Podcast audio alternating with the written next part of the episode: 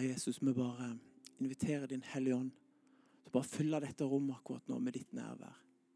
Vi er så lei av oss sjøl. Vi er så lei av det menneskelige. Vi er så lei av ord. Vi er så lei av fine taler. Vi ønsker ditt nærvær. Og akkurat nå, Hellige Ånd, så ber jeg fra hele mitt hjerte at du kommer med ditt nærvær og åpner hjertet mitt først. Og alle som sitter her. Vi inviterer deg, Herre, til å bare komme, Herre. Herre, vi ønsker å bli ukomfortable i det naturlige. Ukomfortable i det naturlige. Herre, vi inviterer din ånd, Herre, til å virke på hjertene akkurat nå, Herre. Jesus, vi tilber ditt navn ifra hodet denne dagen. La det stige en lovsang, Herre, i vårt hjerte, som kroner deg som konge i vårt liv og i denne bygda, Herre. Takk for din nåde, Herre. Takk for ditt nærvær. Takk for den du er, Jesus. Ikke bare for det du har gjort for oss, men for den du er.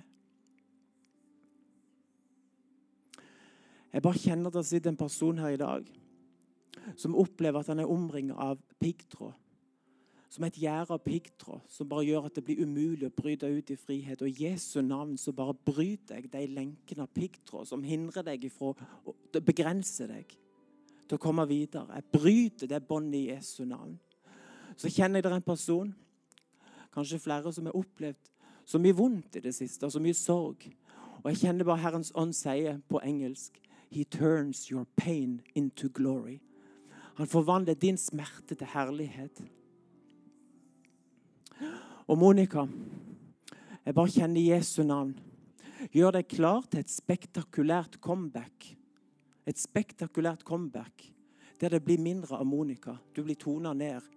Men Den hellige ånds kraft og autoritet over livet ditt kommer til å komme. Gjør deg klar til et spektakulært comeback i ånden der Jesus skal få lov å bli æra i ditt liv. Så kjenner jeg bare til dere ungdommer. Dere er bærere av en friskhet, en salvelse. Det er en livsglede og en dans, en frihet, som vil bryte lenker og bånd. Og dere ungdommer er ikke framtida, dere er nåtida for denne menigheten. Og til dere som er eldre, dere representerer en stabilitet, en trygghet som står fast i stormen, som ikke lar seg rokke av tidsånden og vind og storm som blåser. Den stabiliteten og tryggheten og trofastheten som dere har vist mot menigheten, når den kobles opp mot den ungdommelige gløden og friheten og dansen som ungdommene har, så blir det en slagkraft utad i denne menigheten som forvandler både bygda og landet. Herre Jesus, jeg bare ber deg om at i denne tida, Herre, av stolthet og harde hjerter, at vi kan få lov å være et ydmykt folk, til et annerledes folk. Som du, Jesus, er mild og ydmyk av hjerte. Som en motpol til hardhet og stolthet rundt dere. La dere få lov, Herre, å bøye kne, Herre. La dere få lov å bare bøye kne, Herre, og heise det hvite flagget. I overgivelse til deg, Herre. Du har rett, Jesus. Ditt ord er sant. La dere få lov, Herre, å være et ydmykt folk, Herre. I surrender all. La Dere overgi dere til deg, Herre. Heiser det hvite flagget og sier vi trenger deg, Herre. Vi trenger deg, Herre. Jesus, Jesus.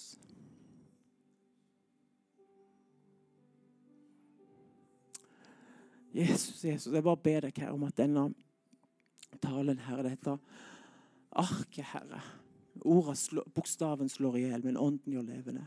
Jeg ber om at ethvert unyttig ord, Herre, skal bare falle dødt til jord, Herre, og at dine ord skal få lov å virke, Herre, på hjertene, Herre Jesus. Gjør dere til et folk, Herre, som elsker, Herre, som er radikal, først og fremst i kjærlighet. Et folk som elsker mennesker ut i frihet. Som legger ned vårt eget, Herre. Som lever for en større hensikt enn bare meg. La oss få lov å dø for oss sjøl, Herre, i dag. Og tida framover være en menighet, Herre, som virkelig er lys og salt i denne verden. I Jesu navn. I Jesu navn.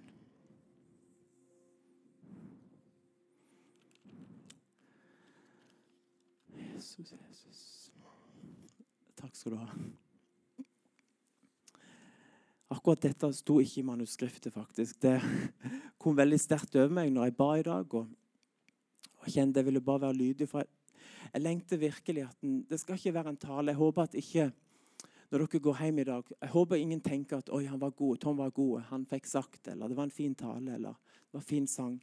Nei, la det være Den hellige ånd som berører hjertene i dag. Vi trenger hverandre i denne menigheten. Vi trenger hverandre i denne tida, som unge og som gamle. Jeg har ikke lyst til å bare si det før jeg går videre. at Jeg òg fikk lov å være med på denne guddafesten sist helg og stå i kafeen og være med som vakt. Jeg har ikke lyst til å si tusen takk Jonas og Oda for at jeg fikk æren og gleden av å få lov å være med og tjene inn i den festivalen. Det, det tok meg faktisk med storm. Jeg hadde aldri vært på den før. Og, og jeg kjente bare den profesjonelle rammen rundt arrangementet, alle smilene og den gode atmosfæren som var der. Jeg kjente jeg ble så glad i ungdommene. Jeg sto i kiosken der og liksom bare så, levde meg inn i deres liv og den lengselen de hadde. Og og faktisk så har det, det, Ansiktene til ungdommene som jeg traff, det har på en måte levd i hodet mitt hele denne uka etter jeg kom hjem. Jeg kjente jeg ble så glad i ungdommene.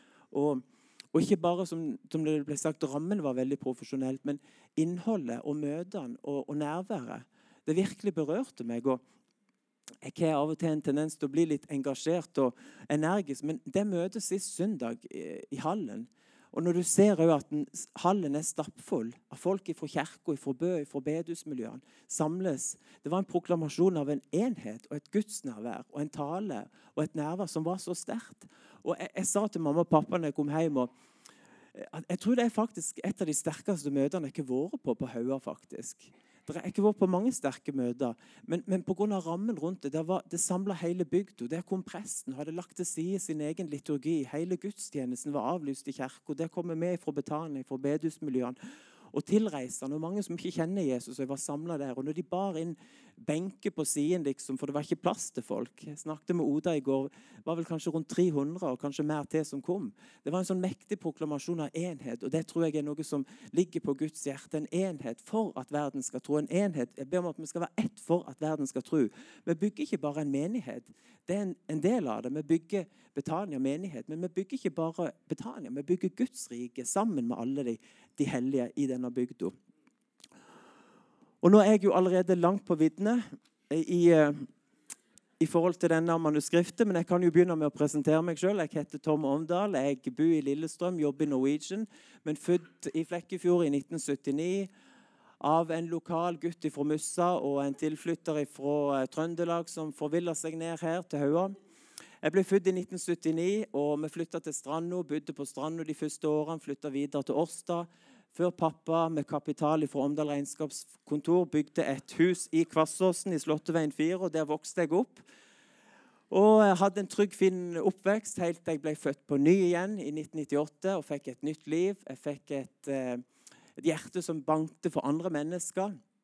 Og eh, reiste ut på misjonsmarken til Tunisia. Bodde der fem år. ut eh, sendt ifra denne menigheten. Og når jeg da kom tilbake, så løfta Gud meg enda høyere. Begynte i Norwegian, flytta til Lillestrøm og bodde der i 16 år. Men jeg kjente at jeg, jeg ikke ville skrevet meg ut. Jeg går jo i OKS, Romerikskirken, Thomas Åleskjær sin menighet. Og, men jeg har samtidig kjent at jeg har ikke lyst til å skrive meg ut av Betania, for her er mine røtter. Jeg kjenner kjenner en kjærlighet til bygda og til menigheten som gjør at jeg eh, er veldig mye hjemme.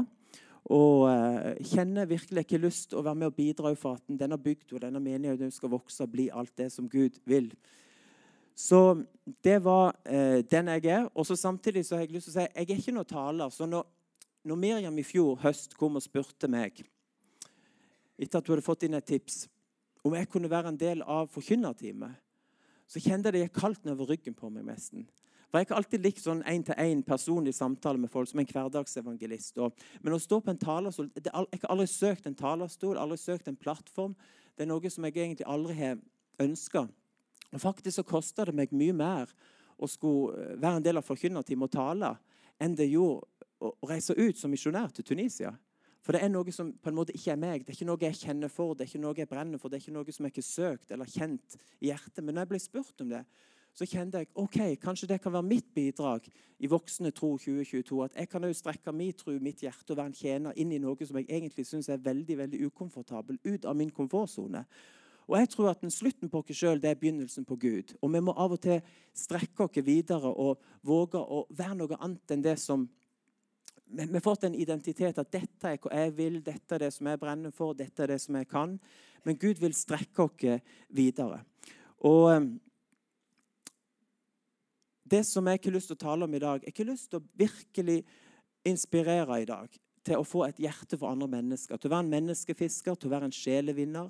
og Til å legge ned sitt eget og være med og vinne mennesker for himmelen. Når jeg kjørte hjem eh, i forgårs fra Lillestrøm, så rigna det vanvittig mye. og Jeg fikk meldinger og så på Facebook med Aslak Moi hadde lagt ut at det var noe eh, flom, eller vann i sentrum. og Randi ga beskjed om at eh, helgeturen var avlyst, for Jostein sto og pumpa og håpte at ikke vannet kom inn i kjelleren. og Mari Schäfros la ut òg offentlig ikke sant, at vi bor i en spennende bygd. ikke sant, og Det var mye flom. Og, og, med, og Politikerne har jo ofte snakket om det her med at den, vi, vi, vi, må sikre oss mot flommen. ikke sant, Vi trenger flomsikring i denne bygda. Når jeg kjørte hjem og så regnet som piska ned, og kom kjørende ikke sant, i Bjørnesbakkene og så ned på Åmot og så at vannet bare steg mer og mer, så var det akkurat som at Gud viste meg at sånn er det på en måte. Altså En flom det begynner jo med en oversvømmelse. ikke sant? Og så kan oversvømmelsen og vannet bli til en flom som egentlig kan få katastrofale eh, følger. Det kan ødelegge hus og hjemme, i verste fall også ta livet av folk. Og Det var jo en flom en gang som skjedde på jorden når, i Noas dager. da Syndeflommen. Pga. menneskene hadde blitt så fulle av umoral og syndeflom at Gud sendte en, en flom for å utslette jorda. Og eh, så det er ikke bare politikerne som er opptatt av flomsikring. Gud òg er opptatt av flomsikring. For Han bygde en ark og frelste verden, og så satte han en regnbue på himmelen på slutten eh, av flommen som et tegn på hans nåde, at han aldri mer ville utslette jorda med flommen. Og regnbuen den bør gjøre oss ydmyk. Ydmyk og ikke stolt. Ydmyk over Guds nåde, over hans trofasthet, over hans godhet mot mennesker. Og Regnbuen er jo på en måte en slags bru, hvis du ser den. Og det er jo det som er tema. Eh, voksne tro 2022. Det er jo et eh, tema. Og jeg har ikke lyst å tale om den brua, for vi som mennesker vi kan være ei, eh, ei bru til tro for mange mennesker. Og eh, nå skal vi se om jeg får den her til å fungere. Talen som jeg ikke fått i sommer når, når Miriam spurte, er, den heter 'Ikke bare vær deg selv'. Det høres jo egentlig litt sånn feil ut, for vi har jo lært at du må være deg sjøl. Liksom. Du må realisere deg, du må være deg sjøl. Men jeg har ikke lyst til å vise ut ifra noen bibler som Gud har talt til meg, om at det er ikke alltid det er lurt å bare være, bare være deg sjøl. Av og til så, så, må vi forandre oss litt for at ikke vår personlighet eller vår væremåte eller 'sånn vil jeg være, sånn er jeg', sånn at ikke det kan begrense Gud ifra å bruke oss til å nå ut til andre mennesker med evangeliet om Jesus. Av og til er vi veldig opptatt av å nå ut med evangeliet, men så når vi ikke inn med evangeliet til hjertene på folk. Og Det er en stor forskjell med å nå ut med evangeliet og sagt nå har jeg fått sagt det. Nå hadde jeg en fin tale, nå fikk hun høre det, nå fikk han høre det. Men så har det ikke nådd inn til hjertene til folk. Og Der trenger vi Den hellige ånds salvelse og visdom. Og ikke bare stole på vår egen dyktighet. Og, og, og, jeg, og jeg ber om at den, aldri min personlighet skal stå i veien for Jesus, skygger for korset. Og Jeg har ikke lyst til å ta og lese første bibelvers. For der hører vi om Paulus som det står her, han var en tjener for alle menneskene. Og jeg leser, Det står i 1. Korinterne 9.: Selv om jeg er fri overfor alle, har jeg gjort meg selv til alles tjener, så jeg kan vinne enda flere. For jødene er jeg blitt som en jøde, så jeg kan vinne jøder. For dem som er under loven, lever jeg som om jeg var under loven, så jeg kan vinne dem som er under loven. For dem som er uten lov, er jeg som en lovløs, uten å være lovløs overfor Gud men er i Kristi lov, så jeg kan vinne dem som er uten lov. For de svake ble jeg som en svak, så jeg kunne vinne de svake. Og så kommer det. Jeg er blitt alt for alle mennesker, så jeg i alle fall kan frelse noen. Dette gjør jeg for evangeliets skyld, så jeg kan få del i det sammen med dere. Og den setningen som er ikke strekt unna Jeg er blitt alt for alle mennesker, så jeg i alle fall kan frelse noen. Her ser du at Paulus, selv om han hadde en veldig sterk personlighet, det vet vi, så la han vekk sin egen personlighet, og så ble han noe annet en liten periode for å vinne mennesker. Og Så gikk han tilbake igjen og var seg sjøl etterpå. Men han, han, ble noe annet en periode for å vinne menneskene. for Jesus. Og Det syns jeg er en utrolig fin og sjenerøs holdning. For av og til så, så, sier vi liksom Nei, jeg kjenner ikke for det. Jeg vil ikke gjøre det. Jeg brenner ikke for det. liksom. Jeg kjenner for uh, arabere. Så kommer det ei fra Thailand, liksom, og så sier du nei, jeg brenner for arabere. liksom, eller men Gud vil at vi skal nå ut til alle mennesker, for Guds hjerte banker for alle. og Han kan forandre oss sånn at vi eh, kan identifisere oss med de menneskene som vi møter i vår hverdag. Så la oss aldri bli begrensa av vår egen personlighet. Og òg heller ikke bli begrensa i at vi tror at jeg har et kall bare til ungdommer, bare til Afrika. Noen kjenner kanskje at de er nødt for stranda, men treffer du en fra Frøylandsheia som trenger hjelp, så, så, så for all del Hjelp han òg, ikke sant? Vær ikke begrensa, liksom. for, for at Gud er ikke begrensa. Hans hjerte vil at alle mennesker skal bli frelst. Og så kjenner jeg Når vi når ut til mennesker, så er det viktig å ha god tid. Det er viktig å ikke være stressa. Det er viktig å gå ei ekstra mil. For jeg kan merke at mange ganger når du får hjertekontakt med mennesker, så kommer ikke den etter ti minutter. Av og til så kan det ta mange timer. liksom. Og Rekorden til meg og Randi Skretting når vi var oppdrag, er vel at det kan gå opp mot åtte-ni timer før plutselig det blir hjerte, hjertet åpner seg. Så vi må være litt tålmodige og gå i ekstra mil med mennesker og, og, og virkelig eh, ta den tida det trenger. Så jeg har lyst til å eh, fortelle eh, hva som ikke fungerer. Det som ikke funker, det er å bli lik verden. For Det står det at vi er i denne verden, men ikke av denne verden. Vi må aldri kompromisse eller marsjere i takt med tidsånden eller søke menneskers ære. Og så skal vi heller ikke lytte til frykten, for frykten kommer ofte kamuflert som visdom. Men så er det egentlig en frykt som ligger bak. Og det må vi være veldig obs på, at vi lar Den hellige ånd få lede dere i alt det vi gjør. Det er noe som eh, Jeg har ikke lyst til å lese et vers i den forbindelse. Og han døde, Jesus, for at de som lever, ikke lenger skal leve for seg selv, men for ham som døde og oppstår for dem. Jeg har lyst til å fortelle en liten vitnesbyrd. For flere år siden så var jeg på Europakonferansen på Livets Ord i Uppsala, der jeg gikk bibelskole før jeg ble sendt ut som misjonær fra Britannia til Tunisia. Så sto jeg på et møte, og det var en veldig sterk åndsatmosfære. Så sto jeg der, og så plutselig Jeg har av og til sånn øyeblikk der Den hellige ånd taler veldig tydelig til meg. Så sto jeg der, og så var det akkurat som at jeg på en måte ga meg til Gud i lovsangen. og Jeg vil tjene deg, jeg vil at du skal få bruke meg. Så hører jeg en stemme på innsida, Den hellige ånd. Altså, akkurat som at han gir meg frihet. En sånn vennlig, fin stemme. Så opplever jeg at Den, den hellige ånd taler til meg og sier at Tom, mener du ennå det du sa til meg når du ble frelst i 1998? At ikke du vil leve lenger for deg sjøl, men leve for meg. At jeg får lov å bruke deg der jeg vil, sende deg der jeg vil så kjente jeg at i det øyeblikket på det møtet så var det akkurat som jeg ga min egen hengivelse enda en gang til Gud og sa ja, Gud. Jeg vil leve for deg. Jeg vil ikke leve for meg sjøl.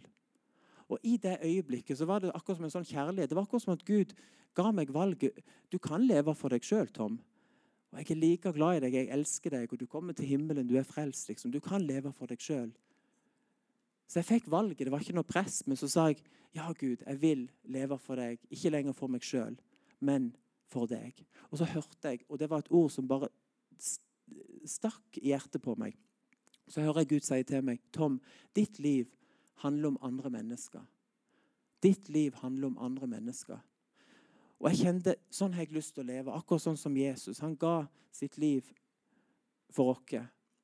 Han eh, og for at vi òg skal få lov å legge ned vårt liv for andre. Vi er kalt til å følge Jesus sånn som han levde. Det står den som sier at han tror på ham, skylder også å vandre slik som han vandret. Og Jesus, Det står om han at han eh, Ingen har større kjærlighet enn den som gir sitt liv for sine venner. Og Jesus ga jo fysisk sitt liv for sine venner når han døde for oss. Og på samme måte så kan vi òg gi vårt liv, vår tid, oppmerksomhet for våre venner og alle de som Gud sender i vår vei. Så det ble en veldig sterk eh, opplevelse for meg. Akkurat som at Gud utvida hjertet mitt og på ny stadfesta det kallet. At jeg er ikke frelst bare for min egen del, for at jeg skal komme til himmelen, men jeg er frelst for at Gud òg skal få lov å bruke mitt liv til å vinne mennesker for Han. Uansett hvem de er. Så jeg har lyst til å fortelle eh, Eller vi skal lese noen bibler som handler om akkurat det, før jeg går videre.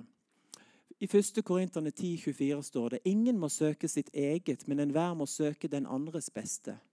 Filipperne 2,4. Ingen av dere må bare trakte etter det som er best for dere selv, men også etter det som gagner andre. Romane 15,2. Hver enkelt av oss skal være til behag for nesten, til hans beste, for det fører til oppbyggelse. Og 1. Korinterne 10,33. Slik jeg også er til behag for alle mennesker i alle ting. Jeg søker ikke mitt eget beste, men det beste for de andre. Og så står det på slutten for at de kan bli frelst. For at de kan bli frelst, er det at vi skal få lov å legge ned vårt eget liv. Her ser dere et bilde som egentlig demonstrerer når Tom ble en araber. For når jeg flytta til Tunisia, et arabisk land, så er det ikke bare at du må lære språk og kulturen og litt sånne ting. Eh, ja, vi må lære språket, men det viktigste språket vi må lære, det er hjertespråket. For det, det nytter ikke å snakke flytende arabisk eller hvis ikke du når inn til hjertene til menneskene. Og så er det noen ting du må legge vekk av din egen kultur og dine egne og faktisk personlighet. Mange vaner som du har, Eh, som du må legge vekk. For, for at, som, som, Paulus sa, Han ble romer for romer, greker for greker, jøde for jøde. Han strekte seg veldig langt og nesten gikk på kompromiss. Han gikk, ble som en som var under loven, for å vinne de som var under loven. Han ble lovløs for de lovløse. og Det høres mest som han gikk på, på kompromiss, men han identifiserte seg så med de menneskene han skulle nå, for å få at hjertene skulle åpne seg. Her sitter jeg i hop med to som heter, han heter Koldon, han der. Og så er det jo Mohammed på andre sida. Det er jo det de heter der nede. Og, og her sitter vi hjemme på besøk hos han, og vi spiser couscous. Og det ser jo ikke så veldig dramatisk ut, men hvis dere ser den bollen, så ser dere at det er tre-fire skeier opp av samme bolle. Og når jeg vokste opp under veldig gode hygieniske forhold eh, hos mamma og pappa i, Kvassåsen, så var dette et veldig sjokk for meg når jeg kom på besøk til arabiske familier som var fulle av gjestfrihet, inviterte dere hjem på besøk. Og, og, Hvis du da var heldig og ikke på en måte så eh, forholdene på kjøkkenet før du spiste maten For det var noen ganger, Jeg tror Laila og Kjell var med meg en gang der vi var litt uheldige og fikk se kjøkkenet og tilberedelsen av maten før vi spiste. Og det, det skulle vi ikke ha gjort, Laila. Men eh, for at hygieneforholdene var veldig De hadde et hull i gulvet som do. Og, og som sagt, når du, når du kom på besøk, så setter de fram en bolle med couscous. Og så spiser alle fra samme bolle med samme skje. Det var en av de tingene som, som egentlig kosta veldig mye for meg. For jeg syntes det var ekkelt. Eller som, som farmor sa, det var klodde å sitte der og, og, spise. Men samtidig, hvis jeg hadde kommet på besøk der når de har åpna hjertet og heimen, og så kommer jeg og sier du, jeg vil ha min egen tallerken jeg vil ha min egen skje. Jeg, jeg, jeg, vil ha det på min måte. Så ville det skjedd noe i relasjonen som hadde skapt en avstand. Så det å bli en araber for araber var en veldig spennende prosess for meg. Samtidig som det, det kosta meg veldig mye eh, på, på, mange måter. Men sånn må vi være. Vi må være en som, som eh, blir eh, lik de som eh, Og det husker jeg faktisk at en, en gang jeg gikk på gata i Tunisia, så var det noen som ropte etter meg. Og så sa de du er her bare og driver reklame for en religion. For vi var aktive, vi vitna, vi ba, vi delte ut bibler, litteratur. Og så var det noen som hadde fått et inntrykk av at her er jo bare sånn massedistribusjon, at de har fått betalt for å drive reklame for en religion. Og akkurat det ordet trengte jeg å høre. for da, det var akkurat som jeg fikk en påminnelse om er det sånn jeg blir oppfatta, som en bare som, som er ute og vitner på kommando. Og, og deler ut bibler, liksom. Uten at de har forstått hjertet som ligger bak. Og Det er veldig viktig når vi skal prøve å vinne mennesker, at en at Jeg syns det er så bra, de som sa det, at vi er ikke ute og vitner. Vi er bare vitner som er ute.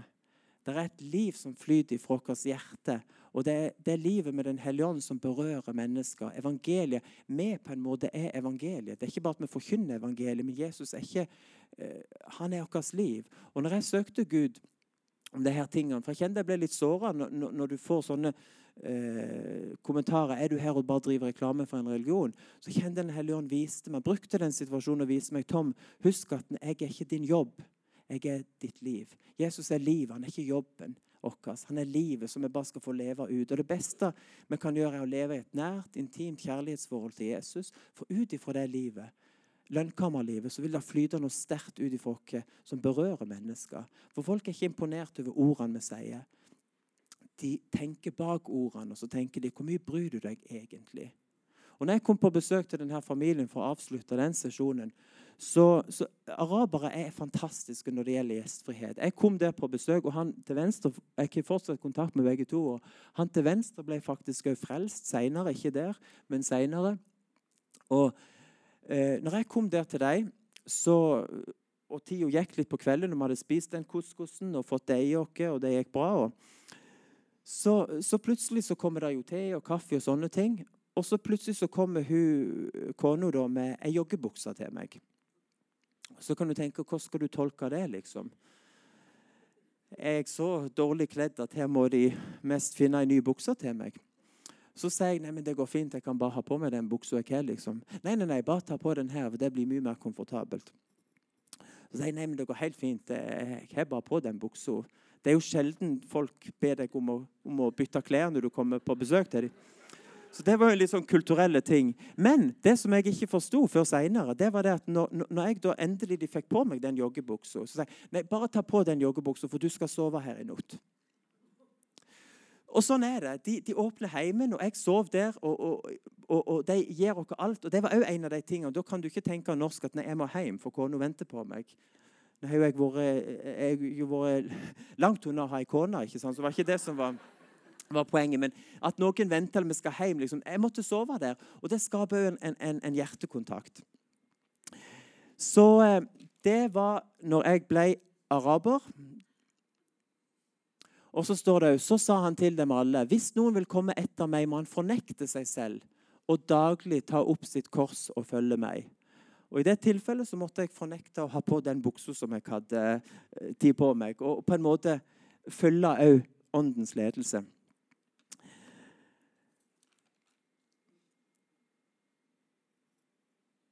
Det som er viktig, det er motivene for det vi gjør. Vi må være sjelevinnere, vi må være romer for romer. Og så er det salvelsen som er nøkkelen som åpner hjertene. For i oss sjøl kan vi ikke imponere folk, men den salvelsen fra Den hellige ånd i ordene vi taler, den er med å åpne hjertene til folk. Og det er veldig viktig å elske, og ikke bare tenke på hva jeg brenner for, eller hva jeg ønsker. For at vi skal være fri til å leve det livet som Gud har kalt dere til, så må vi være dreven av en kjærlighet. For Gud ser også til hjertets motiv. Og Det er en voldsom kraft i kjærligheten og denne motiven. Og Det var det jeg opplevde når jeg kom til Tunisia. Jeg fikk en overnaturlig, guddommelig kjærlighet til det arabiske, tunisiske folket, som var helt utenfor det naturlige som jeg kunne ha for dem. For det at Gud åpna øynene sånn at jeg fikk se det arabiske folket med Guds øyne. Og når jeg så dem med Guds øyne, med Jesu øyne, så så jeg noe helt annet enn det som bare var de naturlige norske øynene fra Sokndal. Så la Gud utvide hjertene våre. Jeg så, eh, skal gå mot en avslutning, men i fjor så var jeg på et møte i Sarnsdal. Jeg har ikke lyst til å dele det bildet igjen. Jeg sto på et møte der, og plutselig så ser jeg et bilde av ei livbøye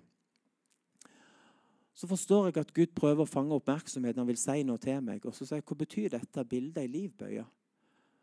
Og så var det akkurat som jeg hørte en hellig ånd på innsiden som sa kast livbøyen lenger ut. Lenger ut. Så var det akkurat som jeg opplevde Gud åpenbarte for meg. Det fins noen folk som er, så, som er drevet så langt til havs at ingen hører ropene deres.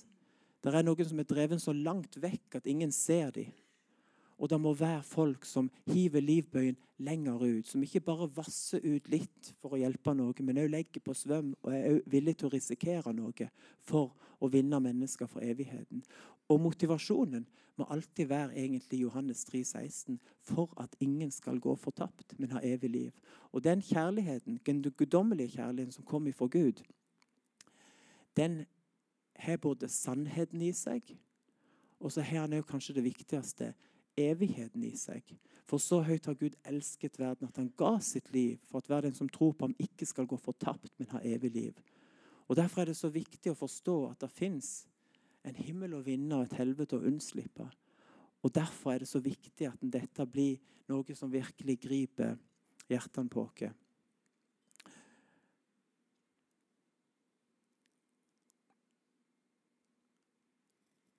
Jeg begynte denne talen med å si ikke bare, ikke bare vær deg selv, ikke bare vær deg sjøl. Det fins en frelser. En Gud som hadde guddommelig natur. Han, ble, han, han var Gud og ble et menneske. Han ble noe helt annet enn det han var. Jesus han forlot sin herlighet i himmelen som Gud og kom ned i syndig kjøds lignelse, står der, og ble et menneske for å bygge ei bru, sånn at vi kunne bli frelst og komme til himmelen. Han kom som en tjener, selv om han er herre. Og han kom som et menneske, selv om han er Gud. Og det er en enorm og e- egentlig ekstrem demonstrasjon av kjærlighet. Og Jeg vil lese dette fra Filipperne 2. La dette sinn, og det er jo det som er mitt poeng, la dette sinnet, la denne måten å tenke på og leve på som, som, som Jesus hadde, la det være en del av vårt liv òg. La dette sinn være i dere som også var i Kristus. Han som da han var i Guds skikkelse, ikke holdt det for et tilranet gode å være lik Gud. Men så kommer det. Men han utdømte seg selv, tok på seg en tjeners skikkelse og kom i menneskers likhet. Da han i sin fremtreden var funnet som et menneske, fornedret han seg selv og ble lydig til døden, ja, til døden på et kors. Det var den kjærligheten som spikra Jesus opp på korset for deg og for meg. Den kjærligheten som gjorde at han ga avkall på sitt eget, og ikke bare var seg sjøl, men òg ble et menneske. For å identifisere seg med deg, med meg, med vår synd, og for til slutt og frelse oss. Jesus han har vist dere hvor kjærlighet er. Og kjærlighet det er en person. Gud er kjærlighet. Ikke bare at han har kjærlighet eller gir kjærlighet, men han er kjærlighet. Og den kjærligheten, den guddommelige kjærligheten, som er annerledes, den menneskelige kjærligheten, den har sannheten i seg, og den har òg evigheten i seg. Og det er min bønn til deg som sitter her i dag. Den frelseren Jesus, som var Gud og ble menneske, han har frelst deg i dag.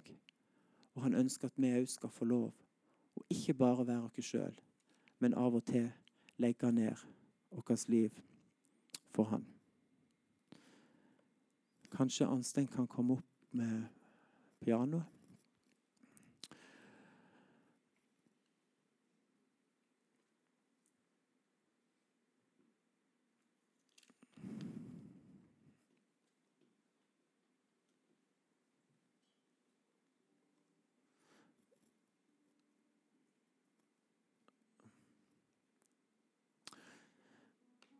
Hvis ikke du husker mange av de her ordene som jeg ikke har sagt, så bare prøv å tenke på denne tittelen 'Ikke bare vær deg selv'. Vi skal være oss sjøl, men av og til så kan det være lurt å bare dø for seg sjøl. Legge ned sitt eget og bare identifisere deg med den personen som du treffer.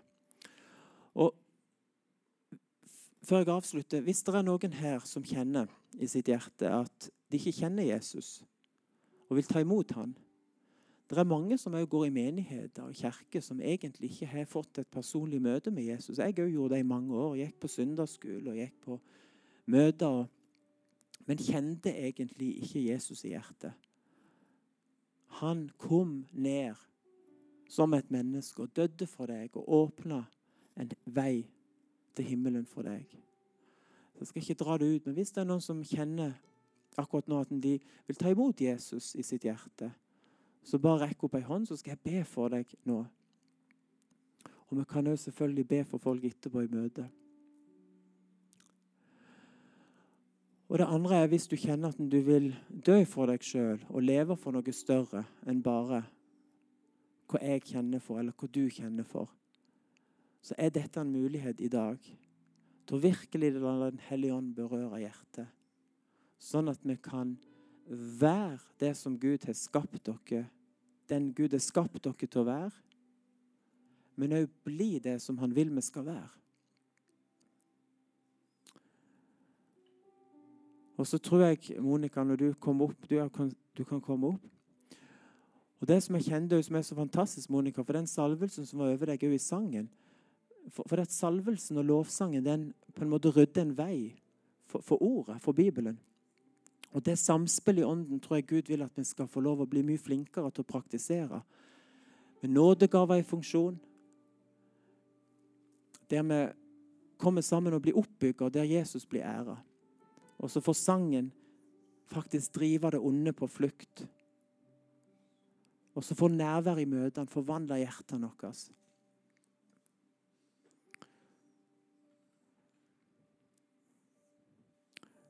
Så jeg tror bare vær frimodig. Der er et spektakulært comeback som kanskje starter her i dag.